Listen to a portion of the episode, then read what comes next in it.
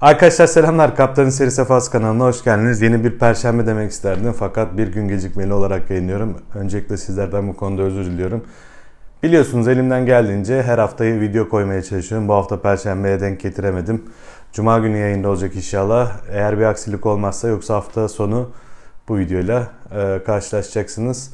Aklımda aslında başka konular da vardı yayınlamak için ama bu en son sizlerin de tabii yakından takip ettiğiniz bu Ural Hava Yolları'nın tarla inmesi. Daha öncesinde de Amerikan Hava Yolları'na ait bir uçağın e, kalkıştan sonra kuş çarpması nedeniyle Hudson Nehri'ne inmesinin ardından yaşanan kamuoyunun bu konuya olan hassasiyeti nedeniyle dilimin döndüğünce, bilgimin yettiğince sizlere bir şeyler anlatmak istiyorum.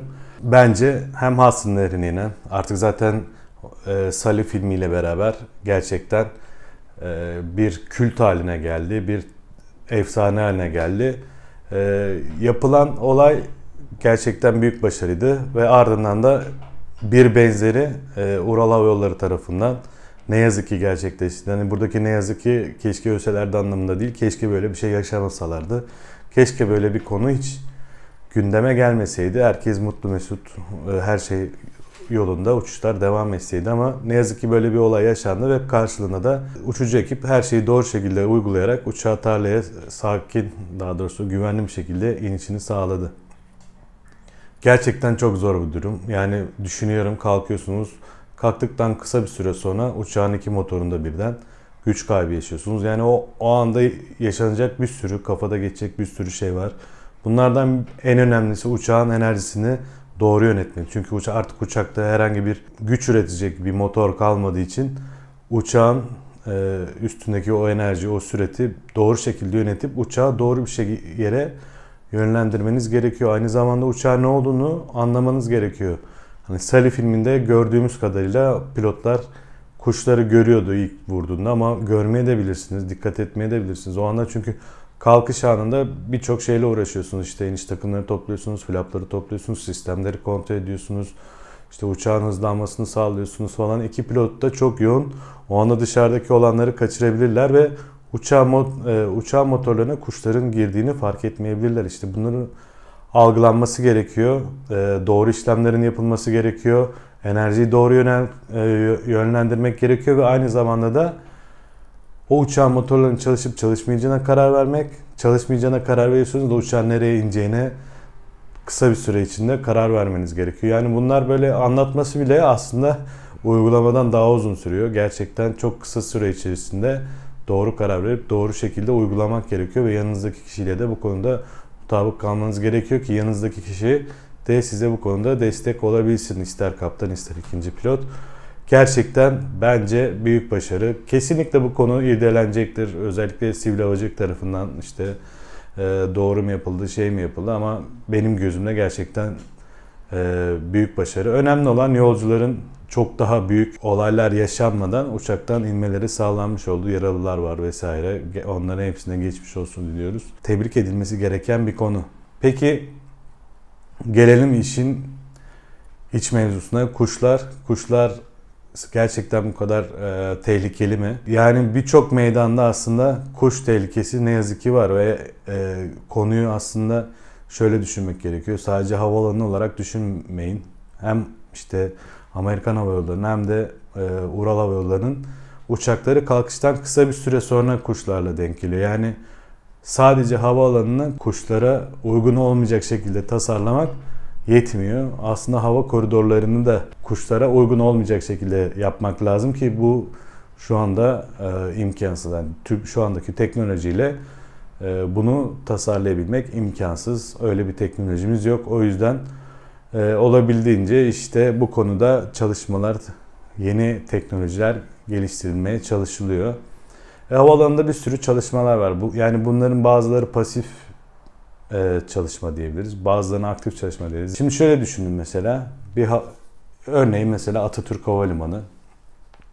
İstanbul her yer taş beton ve o taş betonun ortasında bir tane boş arazi var. Hani biz insanlar olarak bile e, ne, yap, ne yapıyoruz böyle işte hani rahatlamak istediğimizde açık araziye gidiyoruz işte ne bileyim işte sahile gidiyoruz ormana gidiyoruz ne yapıyoruz rahatlıyoruz.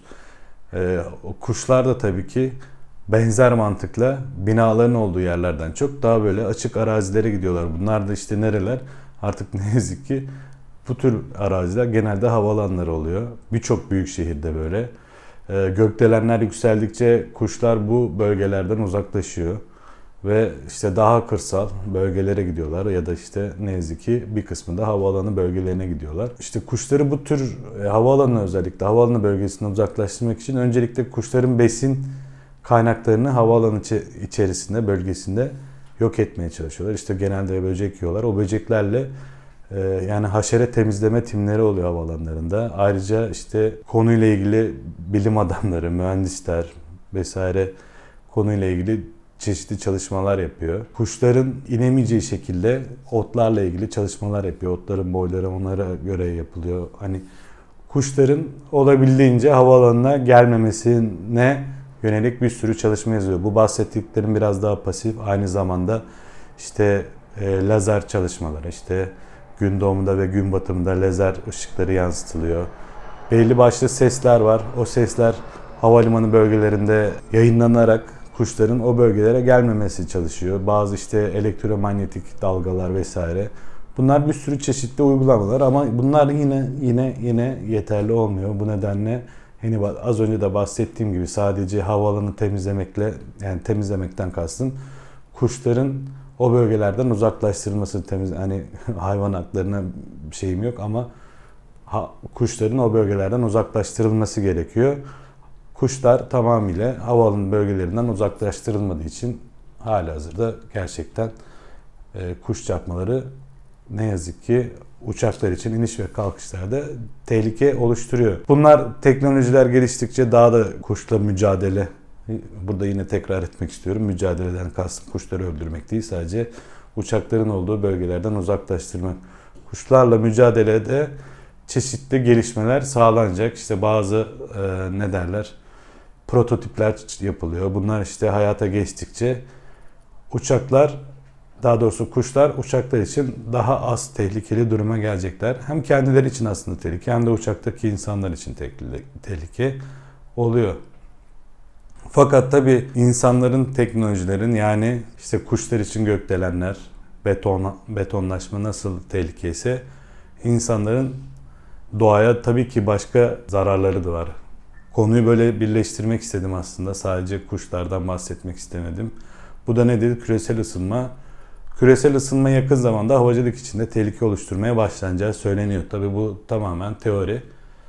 Ee, nasıl bir tehlike oluşturacak? İşte havalar ısındıkça sıcak havada oluşan türbülanslar aslında artıyor ve bu türbülanslar yakın gelecekte deniyor. Yani yakın gelecekten kastım yarın öbür günden değil, belki 5 sene 10 sene sonra oluşacak, havada oluşacak türbülanslı bölgeler uçuşların aksamasına neden olacak. Nasıl aksayacak? Uçakları yine düşürmeyecek. Hani türbülanslardan dolayı uçaklar e, tabii ki bir tehlike yaratmayacak ama atıyorum mesela Avrupa hava sahasına girdiniz. Mesela Almanya hava sahasında uçuyorsunuz. Almanya hava sahasında işte 34 binle atıyorum 38 bin fit arasında işte bu bahsettiğimiz yüksek oranlı türbülanslar var. Yüksek şiddetli. O, o irtifalar kullanılmayacak. Bu irtifalar kullanılmadığında ne olacak? Tabii ki o Almanya hava sahasının kapasitesi düşecek. Kapasitesi düşünce de ne olacak? Oradan geçen uçak sayısında azalma olacağı için e, gecikmeler, rötarlar vesaire olacak. Bu tür durumlar yaşanması bekleniyor yakın gelecekte. Yarın değil. Yani 2020 bence değil.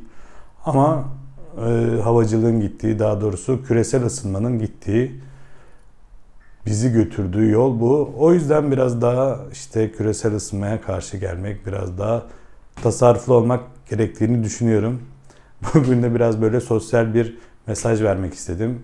Ee, konuyu biraz mix yapmak istedim. Hem kuşlarla hem de küresel ısınmayla alakalı, biraz doğaya karşı olan sorumluluğumuzla alakalı. Havacılık evet biraz fazla atıyorum petrol harcıyor evet ama sizler de eğer yakından takip ediyorsunuz işte birçok farklı çalışmalar var. Yeni uçaklar çok daha az yakıt harcıyor. Biyodizelle çalışan işte birçok farklı e, yakıt türüyle çalışması planlanan motorlar üretiliyor. Motorlar tasarlanıyor.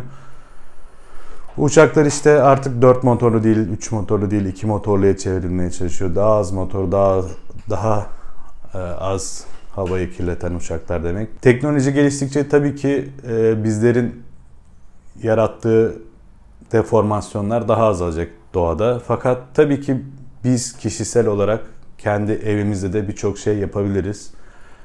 Bununla ilgili çok güzel bir video izlemiştim geçenlerde Twitter'da. Konuyu e, böyle bağ, ikisini hem kuşları hem de küresel ısınmayı birbirine bağlamak istediğimde hemen bu video geldi.